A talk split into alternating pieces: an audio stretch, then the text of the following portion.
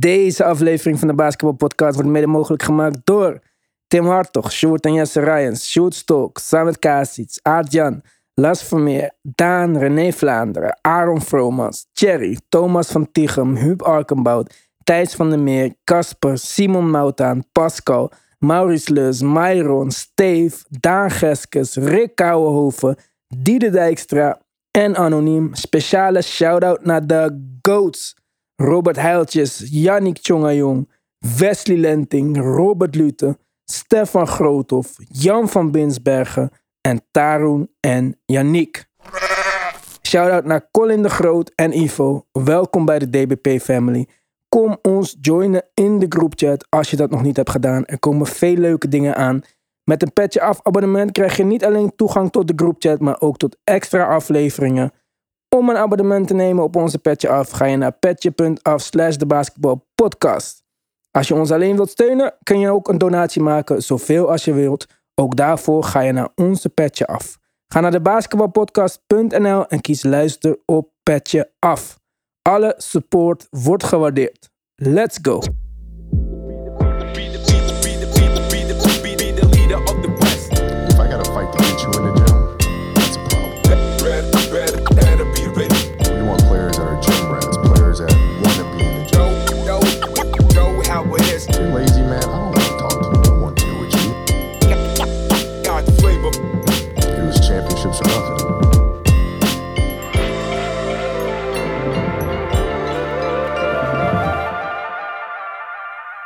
Dus, ongeveer een jaar geleden zei Tim tegen mij: Twitter is leuk voor basketbal. Dus ik eh, stof mijn oude Twitter-account af. Ik volgde precies niemand, niemand volgde mij. Ik wist niet waar ik moest kijken. Dus ik dacht, nou ja, Shams, oké, snap ik nog. Woj, oké. En eh, dat was het even. Ik dacht, ik ga niet alle normale kanalen volgen, want dan kom ik met dezelfde informatie als iedereen. En op een gegeven moment zie ik iemand voorbij komen met een beetje filmpjes van Europese spelers die interessant zouden moeten zijn voor de draft. Ik dacht, oké, interessant. Ik klik zijn profiel aan. Ik zie een guy staan met de Galatasaray. Ja, ik denk, cool, uit Europa. En ik ga die account volgen. En vervolgens kijk ik het hele jaar. Zie ik posts voorbij komen. Dus ik volg het een beetje. Denk, oké, interessant, dit, dat. En pas, nou een week geleden denk ik, zie ik een post over de Knicks. Dus ik lees het. Ik reageer. En ik krijg als antwoord, oké. Dus ik dacht, wat is dit nou weer, joh? Eh, dus ik klik op die account en ik kon me nog herinneren die foto's ook Galatasaray. En ik zie locatie Amsterdam. Dus ik denk, is het een expat of zo? Is hij, is hij in Amsterdam voor zijn werk? Dus ik stuur een bericht. Hey, I see you live in Amsterdam.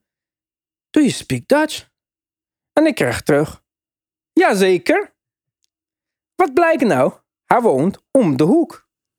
Ja, zeker. En hij volgt de NBA. En met name de spelers die de draft in gaan. En heeft daardoor een enorme kennis waar wij vandaag van gaan eh, gebruik maken. Wij hier en jullie als luisteraar. Ersin, welkom in de basketbalpodcast voor het eerst. Ja, mannen, dank jullie wel voor het warme welkom. Inderdaad, een hele kleine wereld. We komen elkaar tegen op eh, Twitter en het was een eh, oké. Nou, ik bedoel, jullie zitten zelf ook op Twitter. Jullie kunnen zien hoe ja, weet je, cynisch de reacties kunnen zijn. Vooral als je veel reacties hebt. Dus ja, dan op een gegeven moment geef je er ook niet volle aandacht op. En toen dat je dat berichtje stuurde, denk ik, hé, dat is wel echt eh, toevallig. Het is, we hebben niet echt een hele grote Nederlandse groep op Twitter. Die echt eh, de NBA volgen of de Knicks volgen. Of die basketbal in het algemeen volgen. Dus dat was leuk, want dan gelijk een goede ijsbreker. En nu zit ik hier in de podcast. Dus Ja, ik heb er super veel zin in. En bedankt dat jullie me hebben uitgenodigd. Ja, het is sowieso leuk. En we hebben natuurlijk net de draft gehad. Dit is eh, jouw eh, expertisegebied. Ik wil dan ook deze uitzending daarna gaan kijken. Het wordt denk ik een interessant jaar. Ik heb even jouw mock draft eh, voor me. Ja. En daar zie ik, ik denk dat we gewoon bovenaan beginnen. Ik zie op jouw mock draft bovenaan Chad Holmgren. In het echt is de Ja. tweede gegaan. Dat, dat viel te verwachten, maar jij hebt hem toch bovenaan staan. Dus Precies. wat is het wat jij denkt dat wij van Chad Holmgren gaan zien, waardoor hij als nummer 1 had moeten worden gekozen? Nou, het begon eigenlijk van tevoren dat eh, het college seizoen begon. Had je natuurlijk FIBA. En daar deed het gewoon heel goed. Ik bedoel, van, eh, toen ik hem zag, ik moest gelijk aan Porzingis denken. Maar dit is in mijn idee Porzingis plus. Ik denk in de posten doet hij alles qua vooral aan de verdedigende eind. Maar hij is ook heel switchable. Hij verdedigt ook jongens op de perimeter. En ik denk ook dat hij goed zijn mannetje voor zich kan houden. Zijn op het verdedigend vlak denk ik dat hij gewoon gelijk eh, NBA ready is. Ik denk dat hij ook naar een goede, een goede ploeg is gegaan. Die, met, eh, die echt richt op heel veel size. Met Giddy. Giddy is wat 6, 7, 6, 8. En Chet. Eigenlijk een probleem dat Chet heeft. Waardoor hij uiteindelijk denk ik niet nummer 1 gegaan is. Is dat hij niet optimaal op de 5 kan spelen. En ook niet echt optimaal de 4 kan spelen. Nou, op de 5 is hij gewoon heel switchable. Hij is een heel goed rim protector. Maar ik denk toch wel wat je het hele seizoen ook las. Ik bedoel gewoon het fysiek, eh, het fysiek aspect. Nou, hoe gaat hij presteren tegen de zware jongens in de NBA? Nou, het spel begint wel te veranderen. Na meer schieten. Dus echt stretchability, dat wordt veel belangrijker. Dus daarin wint hij dat... Uh, wint hij de battle wel. Maar het is ook wel een, een zorg dat als er een ploeg is die veel in de post speelt, of die echt daarop gaat richten, dan kan Chat wel weer wat gevoeliger daarvoor zijn. Maar voor iemand die gewoon 7-1, 7-2 is om op de 4 te spelen, met zijn schottechniek, met zijn manier om ruimte te creëren, met zijn manier om off the bounce gewoon een close-out aan te pakken en trim aan te vallen, dan denk ik wel dat hij heel versatile is. Dus hij heeft heel veel verschillende opties om te scoren. Maar het is ook weer iemand die ja, die niet jouw eerste scoringsoptie zou moeten zijn. Of in mijn idee ook zal zijn. Is hij ook maar niet, met Shea? Wat zei Is hij ook niet met Shea, toch? Nee, is ook niet met Shea. Het zijn heel veel jongens die de bal in de handen nodig hebben. En ik denk dat je met Chat gewoon iemand hebt die een hele goede screen kan zetten. In een pick-and-pop. Of die op de perimeter de bal krijgt en een close-out aanvalt. Of iemand in de post misschien de bal krijgt en daar iets creëert. Hij, is heel, hij heeft heel veel opties. Hij heeft ook niet veel zwaktes in zijn spel. En het was gewoon een jongen die of één of twee zou gaan. Want ik zat niet echt in de Jabari-hype om hem nummer één of twee te zetten. Het hmm. was of Paolo Banchero of het was Chet. En het was eh, bijna het hele jaar dat ik hem op nummer één. Ik had op een kleine periode toen Paolo tegen Chet speelde, had ik Paolo op nummer één gezet. Omdat Paolo daadwerkelijk in die wedstrijd gewoon de veel betere speler was. Naar mijn idee was uh, Paolo, tenminste Chet, was gewoon de beste prospect. En het is, uiteindelijk is hij het niet geworden. Maar hij is gewoon nummer twee gekozen. Hij gaat naar OKC. Wat gewoon een fantastische plek is om hem in ieder geval gewoon in zijn ontwikkeling te helpen omdat hij in een team is waar hij de komende jaren daar het nog niet echt voor het echt is. Dus aanleidingstekens dat er niet echt playoff uh, verwachtingen zijn. En waar hij gewoon zijn tijd kan nemen om gewoon aan te passen aan de NBA. Ja, dat is interessant wat je zegt. Je noemt even dat gewicht. Hè. We zagen hem in Summer League tegen Kenny Lofton. Kenny Lofton Jr. Kenny Lofton Jr. Memphis. Uh, bekend van clipjes op Instagram en zo. Maar uiteindelijk niet gedraft. Maar wel uh, zijn met een NBA-team. En ja, dat was wel veelzeggend. Hij zette een klein beetje zijn lichaam erin en Chat was gewoon weg. En wat je zei, vijf wordt lastig. In, inderdaad, als je tegen Jokic of Embiid moet. Dit, is niet realistisch. We kunnen dit niet eens verwachten dat, dat dit ook maar überhaupt in de buurt van mogelijk is met hem. Dus qua dat vind ik het dan wel interessant, zeg maar, om te zien hoe ze dat gaan oplossen. Want dan zou je dus denken dat ze met een vijf naast hem gaan spelen. die hebben ze niet volgens mij. Nee, klopt. Ik weet nog niet hoe ze dat gaan. Het wil niet zeggen dat ze die nog gaan halen. Ehm, maar ja, tenzij we verwachten dat Dirk Favors dat gaat doen. Maar om nou te zeggen dat die uh, daar veel minuten gaat spelen, lijkt mij niet. Uh, nee, ik weet het niet. Wat mij betreft is dat ook zijn zwakte. En, en de zorg, enige zorg die ik heb richting een seizoen waarin uh, natuurlijk veel van hem verwacht wordt, is ja, hoe houdt hij zich tegen dat soort ploegen? Tegen de Philadelphia's, tegen de Denvers van deze wereld. Die met zo'n postplayer ja, de inside domineren. Aanvallend gezien dan. En hoe goed hij verdedigend ook is. Want dat, daarin is hij echt speciaal, denk ik. Uh, ja, dat soort uh, matchups hoeven we, hoeven we niet van hem te... Dat, wat je zei, dat is niet realistisch. Maar is hij zo goed verdedigend of is hij een goede rim protector? Ik denk overal is hij gewoon een hele goede verdediger. Hij is heel switchable. Dat is in, de, in deze NBA is dat het belangrijkste wat je gewoon van een, een 4 of een 5 nodig hebt.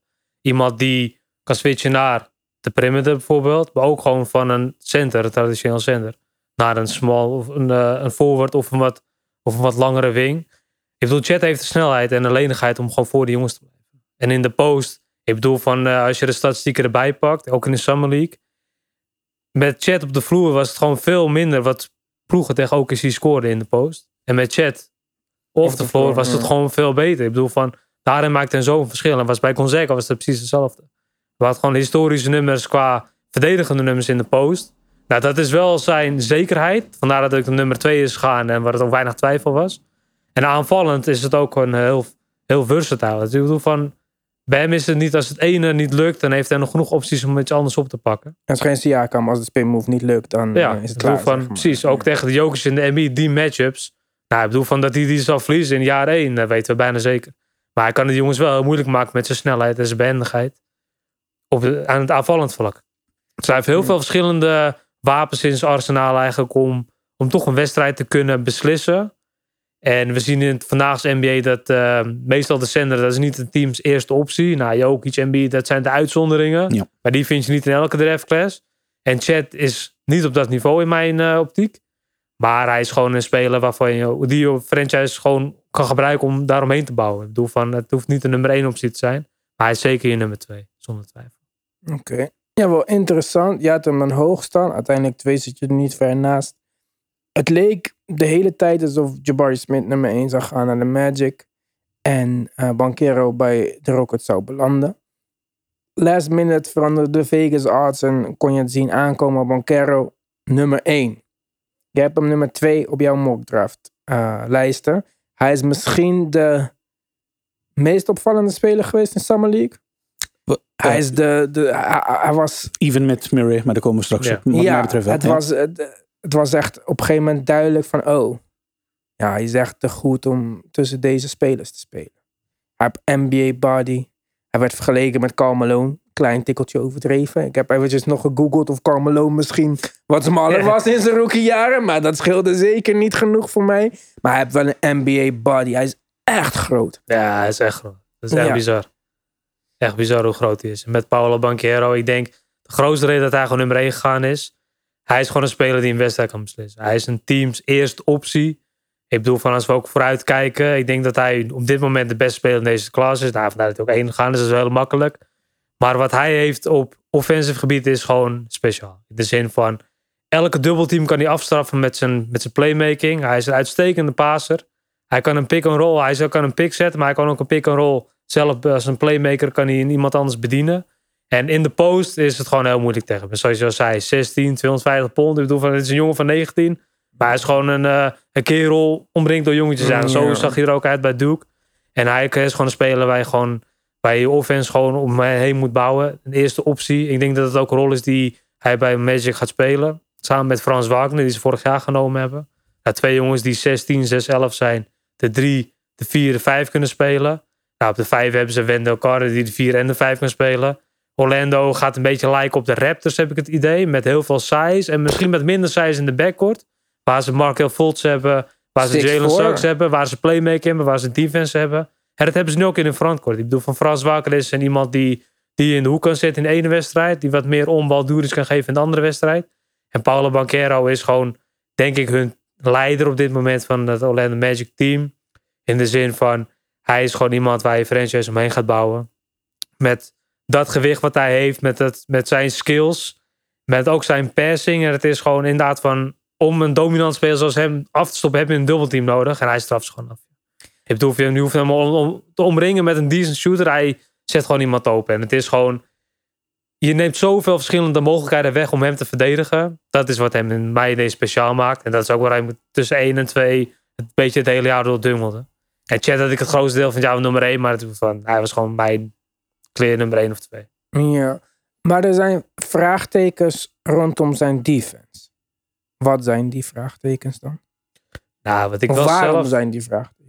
wat je zelf al ziet, is gewoon dat hij, naar mijn idee, niet echt een goede teamdefender is. Wat hij wat vaak had, ik bedoel van een, een backcut, eh tenminste een backdoor cut to the rim, dat hij gewoon zijn man laat lopen. Ik denk dat het met hem ook meer een beetje arrogantie was. Van Coach K, nou, misschien de grootste legende in college basketbal. Hij weet hoe jongens qua mentaliteit te veranderen. Het begin van het seizoen wat ik zag van hem was precies die zorgen. Was gewoon verdedigend, zag, zag gewoon niet zo goed uit. Dat je denkt van, ja, is dit de man die nummer 1 gaat? Maar gedurende het jaar zag je dat hij wel gewoon veranderde qua mentaliteit. Nou, het tournament voor Duke begon goed, maar daarna liep het verkeerd af. Het is gewoon denk ik met zijn mentaliteit te maken. Hij is geen goede teamdefender. Ik denk dat hij qua focus ook een beetje te lang af en toe naar de bal blijft kijken.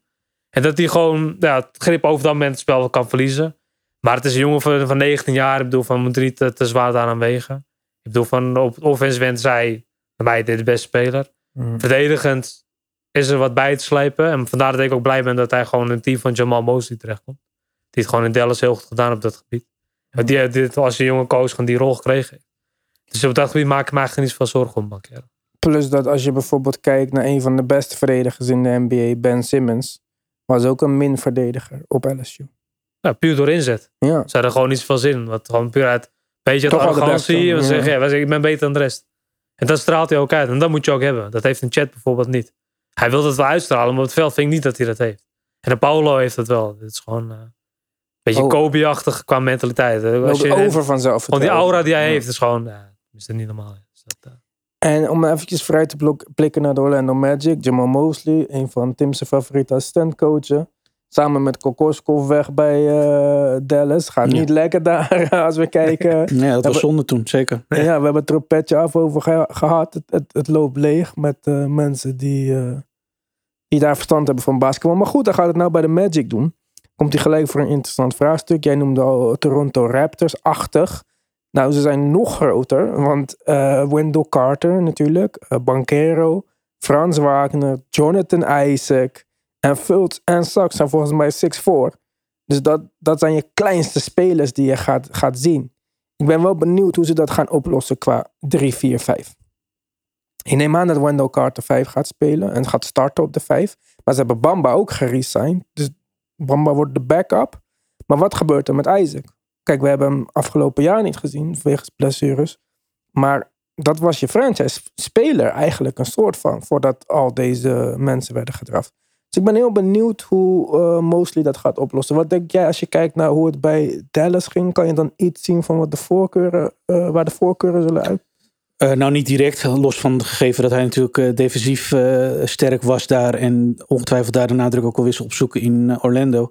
Ja, Jonathan Isaac is nog steeds een vraagteken. Dat zal hij in het begin van het seizoen ook nog zijn. Dus die, ik denk niet dat ze ehm, hem in de plannen gaan opnemen voor het start van het seizoen. Simpelweg omdat, hij, ja, omdat hij al twee jaar, eh, min of meer twee jaar eh, met blessures aan het dealen is natuurlijk. Maar als de nadruk ligt op defense, zou je kunnen verwachten dat hij misschien een streepje voor heeft op Frans Wagner.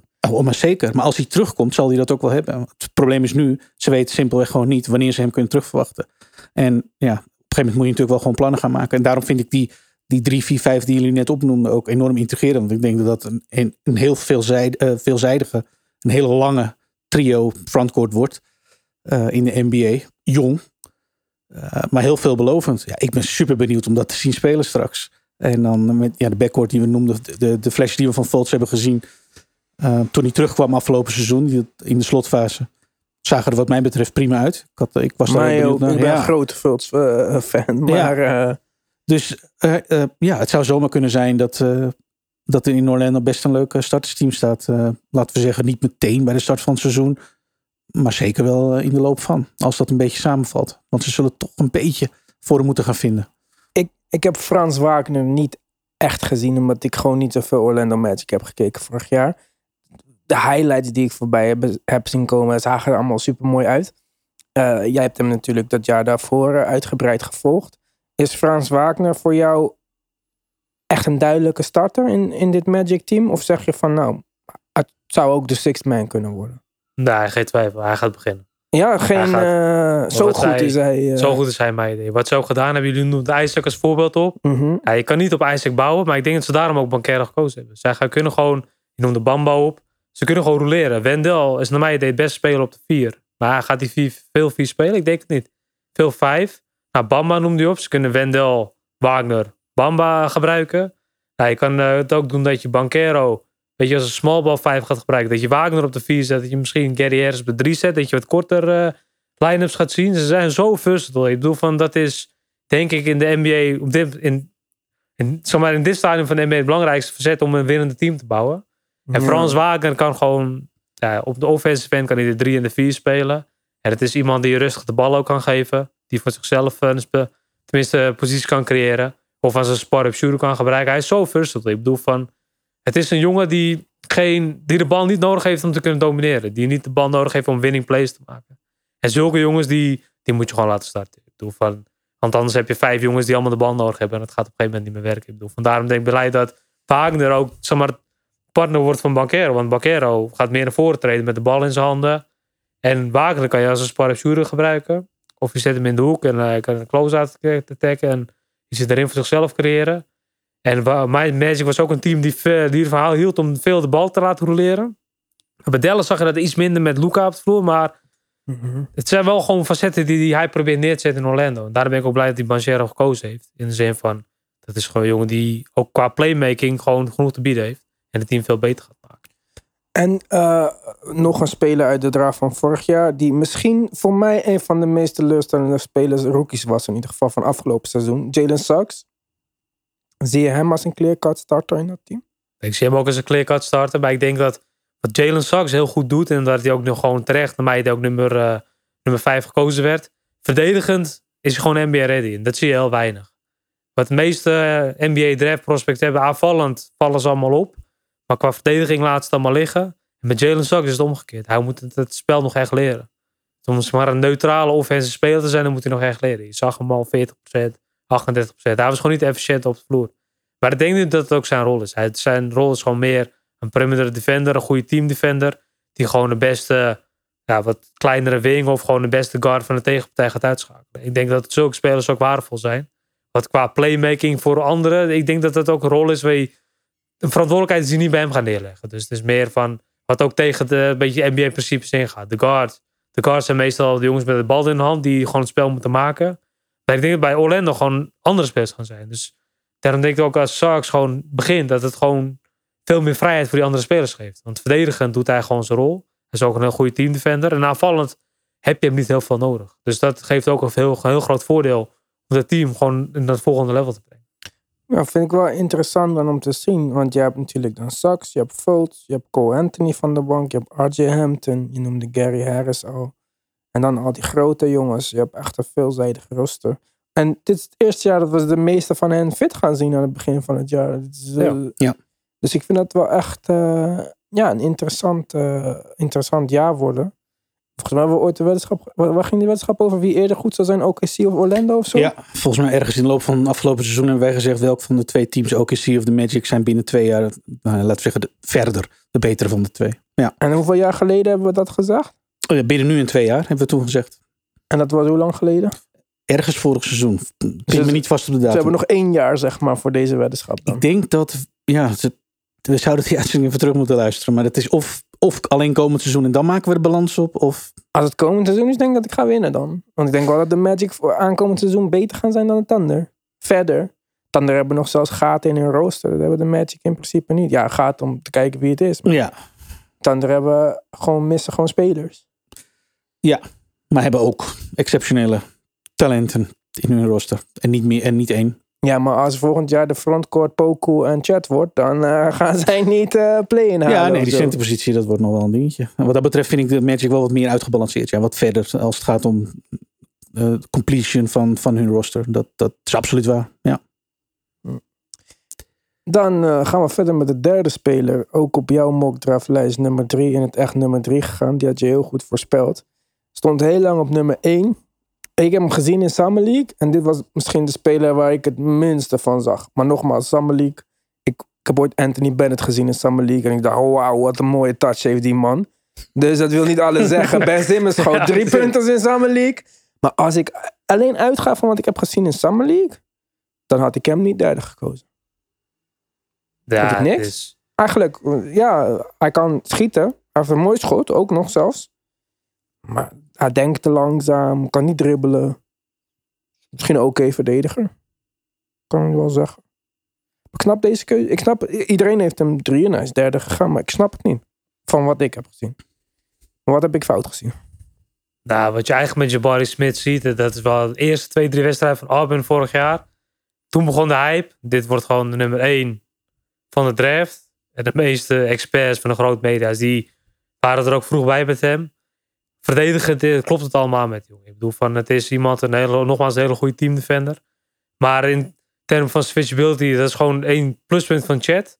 En Jabari is veel sterker op de perimeter gericht. Chat domineert in de post. Maar Jabari perimeter is gewoon echt voor hebben. Dat zie je met zijn size 16 zie je dat heel weinig. En qua, qua shot creation, ik bedoel van, dat is echt zijn bread and butter eigenlijk. Het is eigenlijk alles wat hij doet. Gewoon pull-up trees en het is, alles klopt.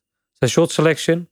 En het is wat, hij, wat wel hem wel, naar mijn idee, wat zwakker maakt ten opzichte van Chet en eh, Paolo. Het is niet echt heel divers wat hij doet. Want hij heeft heel weinig actie in de paint, terwijl hij wel de size ervoor heeft. En het lichaam er ook wel voor heeft, naar mijn idee. Maar het is iets niet wat zijn, wat zijn, waar zijn kwaliteiten liggen. Maar ik heb En die Elite Shot Creation ook niet gezien in Summer League hoor. Maar dat heeft hij wel echt. Bij, tijdens Auburn heeft hij het mij echt laten zien. Want wat bij Auburn wat gebeurde was dat het team was wel een beetje zijn team. Dat maakte het wel een beetje inflated naar mijn idee. En de guardplay was ook niet echt om naar huis te schrijven dat je zegt van oké, dit, is, dit is iemand die gewoon bediend wordt en waar het gewoon overduidelijk de, de kwaliteit van guard heeft meegeholpen in zijn ontwikkeling. Want in transition vooral is hij gewoon een van de beste spelers van college basketball geweest vorig seizoen. In transition en een pull-up 3. Dat is wat hij voornamelijk deed. Als je naar hoogtepunt kijkt, dan zie je dat ook als eerste. Maar wat ik ook van hem eh, voornamelijk zag, is echt als een pick-and-roll defender op defense. In een aantal posities dat hij het gewoon heel goed deed. En dat hij ook een offense ook wel op die manier een beetje in een pick-and-pop ook eens eh, geschoten kon vinden. Maar het was voornamelijk iemand die gewoon een hele dominante tweede of een derde optie was. In ieder geval Auburn zag je Walker Kessler, die toen van North Carolina naar Auburn ging. Ja, hij is uiteindelijk 19 gekozen. Nou, we dwalen even onderwerp af, maar puur om te zeggen waar zijn kwaliteiten bij Auburn lagen. Nou, de, een beetje dankzij gelimiteerde guardplay was het eigenlijk meer of meer zijn rol. De paint was echt zijn plek. En Jabari was ook niet nodig daar. Dus het was ook van, het kwam hem ook wel goed uit. Hij laat zien waar hij goed in is. Hmm. En de plekken waar hij niet goed in is, daar had hij eigenlijk vrij weinig mee te maken. Dus dat maakt het voor hem wel een bijzondere situatie bij Auburn. Maar dat hij nummer drie gegaan is, ik snap wel waar Houston op, op, op wil wedden. Toen Jalen Green, hij gaat de bal het meest in zijn handen hebben.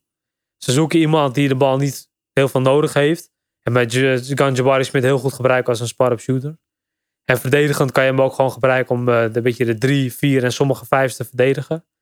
En overal, als je zegt van waar ligt zijn, waar is de hype? Waar, in waar zie je een ster in hem? Het Ja. is vooral de niet opvallende plays. Ik denk, we komen straks op Keegan Murray. Ik denk dat dat een soortgelijk onderwerp zal zijn. Ik denk niet dat Jabari Smith echt van die sexy highlights gaat creëren. Dat je denkt van oké, van dit is een jongen die gewoon nummer één, de nummer één prospect was. Maar puur hoe, hoe teams worden ingericht tegenwoordig. Ik bedoel, van scalability. Het is ook een jongen die gewoon minder, minder grote rol kan geven. En die gewoon vijf of zes drietjes in de wedstrijd gaat nemen. En voornamelijk zijn waarde op defense gaat laten zien. Hij zal niet een eh, first scoring option worden. Maar daar is dat Houston Rockets team ook niet voor gebouwd.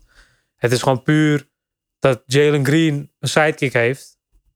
Waar hij op kan bouwen. Want uiteindelijk is het zijn team. En het is van, als je Paulo Banquero had gekozen bij nu, als nummer drie. Dan had je voor een grote uitdaging staan. Op wie ga ik mijn team bouwen? Want ze zijn allebei zijn ze duidelijk nummer één opties. En als je er twee van die team hebt, kan het overduidelijk botsen. Dus het is inderdaad een nummer drie pick waar je wat kan, kan gaan vinden. Maar zijn shot creation en hoe zijn hele shooting touch, ik bedoel van, dat kan je niet leren. Het is ook qua verdedigend. Wat ik bij Auburn heb gezien, zag ik niet in Summer League. Maar Ja. dat maakt in die ver ook niet zoveel uit. Omdat het qua Summer League ook niet te veel. Ja, Ja, ja, die als handvat dat kan zeg. gebruiken. Kijk, mijn enige sample is Summer League. En ja. Ja. ik zag hem. eh, Ik zag dit allemaal niet wat jij eh, nu net zei. Maar misschien moeten we dat dan eh, in de NBA. Wat zijn zijn weaknessen? Weaknesses? Nou, het is niet echt heel versatile in offense. Ik bedoel, van het vooral schieten. Maar het zieke is, hij is er zo goed in. Het maakt niet zoveel heel veel uit. Of hij nou goed verdedigd is of niet. Ik bedoel, als je die percentages erbij pakt. Nee, ik heb ze niet voor me, maar qua short creation, drie punt short creation, open drietjes, hij gaat ver in de 90 scoren. Dat weet ik 100% zeker. Oké, vind ik wel interessant. Je noemde net even Walker Kessler. Die is getraind naar Utah, toch? Ja, in die Ja. Gobert trade. Maar die was daarvoor ook al in een trade betrokken. Hij gaat alle kanten. Maar hij is een van de bekendste namen in deze draft. Maar wordt toch als negentiende gekozen. Is een big guy, center, toch?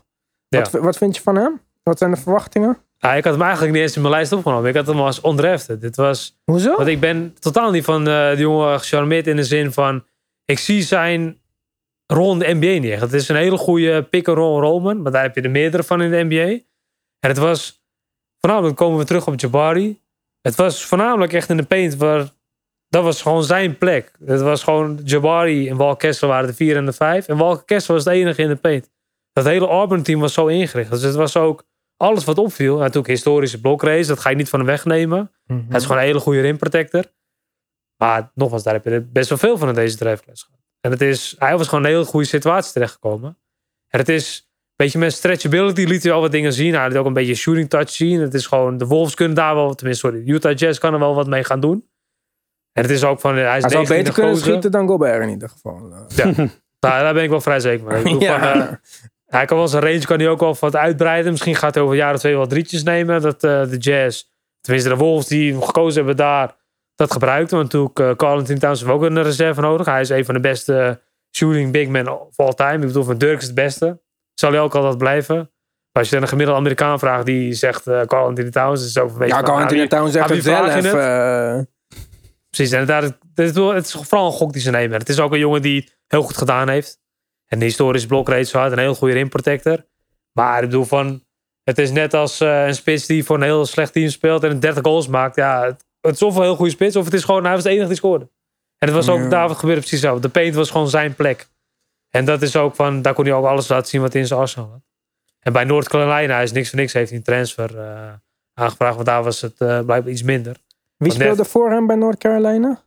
Mij Zat hij nog met eh Armando Bekert, die nog steeds daar zit. Oké. En even snel kijken, maar er was nog een andere center die, eh, die ze daar hadden rondlopen.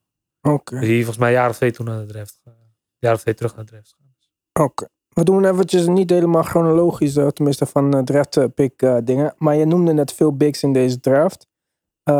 Jalen Duren had jij op nummer 5 staan. Het is hoger dan dat hij, veel hoger dan dat hij is gegaan. Maar dat is dus een center waar jij duidelijk wel enthousiast over was. Zeker. Ik bedoel, van Jalen Duren is gewoon precies wat de NBA van vandaag nodig heeft. De eerste vergelijkingen waren een beetje baby Dwight Howard. Puur omdat hij fysiek zo dominant was. En hij, eigenlijk moest hij nu in zijn laatste jaar van zijn high school carrière zitten. Maar hij was gewoon... Een, eh, nou, uiteindelijk is hij vroeger college ingegaan. Hij was toch volgens mij gedurende jaar... Tenminste, een klein deel was hij nog 17 jaar oud. Ik denk van een jongen die nog steeds 18 is als het NBA-seizoen begint. En hij heeft vooral de passing touches gewoon wat bij mij gewoon echt bovenuit kwam. Hij maakt gewoon passing reads die de gemiddelde big man voor 18 jaar met zo'n fysiek, die, dat zie je gewoon niet. En het is vooral, hij was heel dominant als pick-and-roll in high school, maar Memphis was een team die geen guard had. Dus qua guardplay was het gewoon heel slecht. Dus qua context, het, hij kwam niet echt een heel goede context de rest op. Het was niet echt dat er gewoon een paar pick-and-rolls per wedstrijd voor hem klaar lagen waar hij de screen kon zetten. En hij is een heel goede screensetter. Ik denk dat je dat bij een gemiddelde Amerikaanse speler tegenwoordig heel weinig ziet. Het zijn voornamelijk de Europese, want daarom zie je dat ook Europese spelers echt domineren op, op de centerpositie in de NBA. Qua touch op het gebied van pick zetten. De Amerikanen hebben dat wat minder, maar met Jalen Duren sprong dat er gelijk uit. Dat doet hij heel goed. Hij is een hele goede passer. Hij maakt goede reads. Qua executie ziet het er niet helemaal goed uit. Maar goed, het is nog een jongen van 18 die eigenlijk eh, nog in high school horen ze thuis zitten. Dus eh, de Pistons die gaan duidelijk kiezen voor upside. Die wil gewoon een paar jaar in die jongen investeren. En ik zie wel gewoon een all-star in hem op. En hij is Sean Camp-achtig eh, atletisch vermogen, Ja. zeg maar. Precies. En, het, en echt een passing vermogen van today's NBA. Wat je gewoon nodig hebt om, tenminste als een big man, nou, gewoon lang op een vloer te, te opereren. Dat je Ja. 30, wedstrijd, 30, eh, 30 minuten per wedstrijd kan maken. Want het is, eh, hij heeft niet veel flaws in zijn game. Hij bedoelt van, dat is een goede pick-and-roll defender. Ik denk dat hij veel beter een pick-and-roll defender in de NBA zal worden. En qua, qua hacken, Jalen Durham het zo te noemen, ja, dat kan je wel gaan inzetten. Maar een jongen die zoveel tegenargumenten heeft om gewoon lang op een NBA floor te staan, dat is in today's NBA gewoon heel veel waard. Hoe kut vond je dat hij eh, eventjes een Nick was en eh, toen weer niet? Ja, bedoel van het is. Ik had een tijdje dacht ik wel voor de niks om een center te nemen. En Jalen Duren was gewoon duidelijk de eerste keuze. Vooral nummer 11 pick. Ik had hem wat hoger dan gemiddeld. Dus hij zou wel rond die range gaan eindigen. En toen zag ik die trade inderdaad. Ik oké, dat is gewoon een hele goede draft. En toen was hij weg. Ik denk van, ah, zonde. Maar dat is ook weer typisch New York Knicks. Dat je gewoon met Ja. zulke beslissingen geconfronteerd wordt. Dus het is ook gewoon, ja, je, bent wel wat gewend. Ja, Dus- voor de mensen thuis ook ergens. Dus net als ik eh, een New York Knicks sympathisant. eh, maar eh, ja, dat is een zwaar leven af en toe. ja, precies. Dat is ja. best leuk voor een korte duur. Vond je het waard wat ze ervoor terug hebben gekregen voor die nummer 11 pick? Zeker. Ik, bedoel Ja? van, ik denk dat eh, misschien op een later moment ook zeg maar, de, de zeg maar, draft class van volgend jaar, die is echt loaded. Die is echt veel sterker dan dit jaar. Dat is zonder twijfel. Oké. En de picks zijn niet zo, eh, natuurlijk niet echt dat je zegt van, nee, ik haal die lottery pick uit. Maar je hebt gewoon vier, potentieel vier first round picks volgend jaar. Dus, dus je kan alle kanten op. Oké, Je daar een big het- trade maken, je kan van alles doen. Misschien moeten we een Knicks podcast doen. Even kijken. Hey, eh, jij hebt Jaden Ivy op 4. Kijk, dit was een verhaal eh, wat ik interessant vond. Toen ik hem zag, zeg maar, voor de draft ging ik even een beetje video's kijken.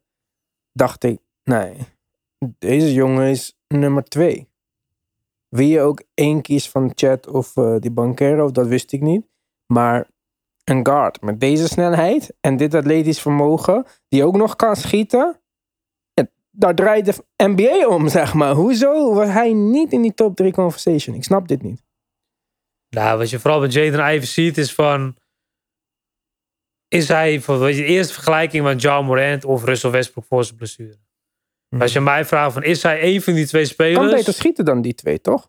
Ja, maar het is van, ik denk vooral qua totaal, totaal spel wat hij heeft, denk ik niet dat hij ooit op dat niveau zal komen. Misschien is dat een voor, uh, conclusie, maar wat vooral met de pluspunten van Jaden Ivey zijn zijn snelheid, zoals je erop noemde. Hij kan heel veel space creëren voor een shooter. Hij is heel goed off-bal, maar ik denk dat hij vooral off-bal nog veel beter is dan on-bal. Dus het is, het is heel gek, want elke hoogtepunt die je van hem ziet is allemaal on-bal. Gekke dunks in transition. Ik bedoel van, uh, pak zelf rebound en hij scoort aan de andere kant. Of het is inderdaad, hij heeft eerst een screen nodig om bij een uh, speler te gaan. Dus waarom is het niet zo'n jongen nummer 1 of 2? Precies, dat zijn gewoon terechte vragen die opkomen. Maar ik denk vooral op het NBA-niveau, hoe vaak gaat hij die bal in zijn handen krijgen? Dat was een heel groot vraagstuk. Want eigenlijk de guards die zijn al gekozen. John Morant een paar jaar terug, Jalen Green. Ik bedoel van, er zijn zoveel guards in de NBA en er is maar zoveel ruimte. En er zijn zoveel goede guards ook die geen NBA-rol kunnen krijgen. Dus ook de, de, de rol die hij zou krijgen, zou voornamelijk een off-ball rol krijgen, naar mijn idee. Ik denk dat hij bij in de Pistons ook een goede situatie terecht komt met Kate. Kate is gewoon puur de nummer één optie. Maar Jaden Ivey kan zoveel space creëren, off-ball, Hij is 6 voor, maar hij is heel fysiek ook wel dat hij gewoon een, een, een screen kan ontwijken. Dat hij er gewoon doorheen kan vechten zonder een fout te maken. Hij scoort op heel veel pluspunten, scoort hij gewoon heel goed. En het is van voornamelijk van waarom is hij niet nummer 1 of 2? En ik heb zelf eigenlijk gewoon niet echt een heel goede reden daarvoor. Behalve dat zeg maar, de guardposities per team eigenlijk al overal loaded was. Hmm. En het qua, qua wie welke teams er ook kozen, dat hij niet echt uh, op één team echt een duidelijke starter is. Ook was namelijk de Kings hem. Die hebben Fox, die hebben Davion Mitchell. Ja. Ga je dan weer een guard nemen? King snap ik nog dan. Want die hebben net de beste guard die ze hadden weggetraind. Dus dat je niet... Als ze nu weer een guard hadden gekozen... Dan had iedereen gezegd, wat een dombo zijn dit. Uh, je wou een Fox heen bouwen, moet je dan ook nu gaan doen.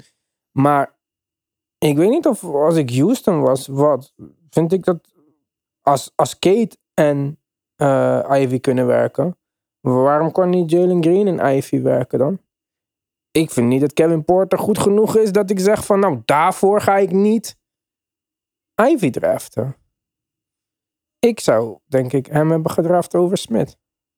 Ja, precies. En ik denk ook, het is wel terecht feedback die je geeft, maar ik denk puur voor Houston. Ze hebben natuurlijk Alper en Shengu vorig jaar genomen. En ik denk dat zij heel veel gaan afwisselen tussen, ja, een beetje wat je met Jokic ziet. Dus uh, een on top of the key, dat hij gewoon uh, het spel gaat verdelen. En Jalen Green, dat hij het spel gaat verdelen.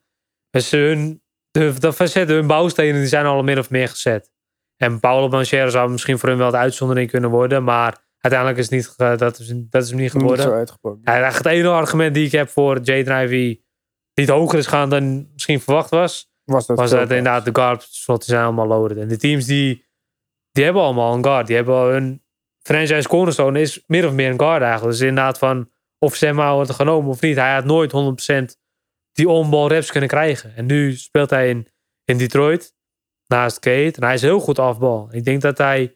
Want wat je ook, het is een heel uh, interessante stat die ik, af, die ik uh, een paar dagen terug zag. Je had een, uh, een per teams, per punten per open, wide open three. Purdue was volgens mij nummer twee of drie. Dat was puur door hem. Puur omdat hij gewoon zoveel space kan creëren voor open shooters. En dat is ook precies de richting die Detroit ook opgegaan. Ik bedoel, van, ze hebben niet echt sport shooters die ze nodig hebben. Nou, ze hebben Sadiq B, die vorig jaar heel goed deed. Hij ze hebben Gabriele Procida uit Italië hebben ze genomen in de tweede ronde. En hij gaat dit jaar niet in, uh, niet in de NBA spelen. Hij speelt nu in de Euroleague met Alba Berlin. En ja, dus het was vooral... Jaden Ivey was een beetje de nummer 1 van buiten de traditioneel 3. En uiteindelijk is er ook zo'n situatie geland. Dus het was een beetje, beetje ook geluk hebben. Je moet ook een beetje geluk hebben tijdens een draft. En waren gewoon teams die gewoon loaded waren op hun En daar beleid voor is Ja, je noemde het Keegan Murray. Daar gaan wij over verder praten op Petje Af. Dus schakel snel over naar Petje Af. Daar hoor je ons verder met Ersin natuurlijk. Tot zo!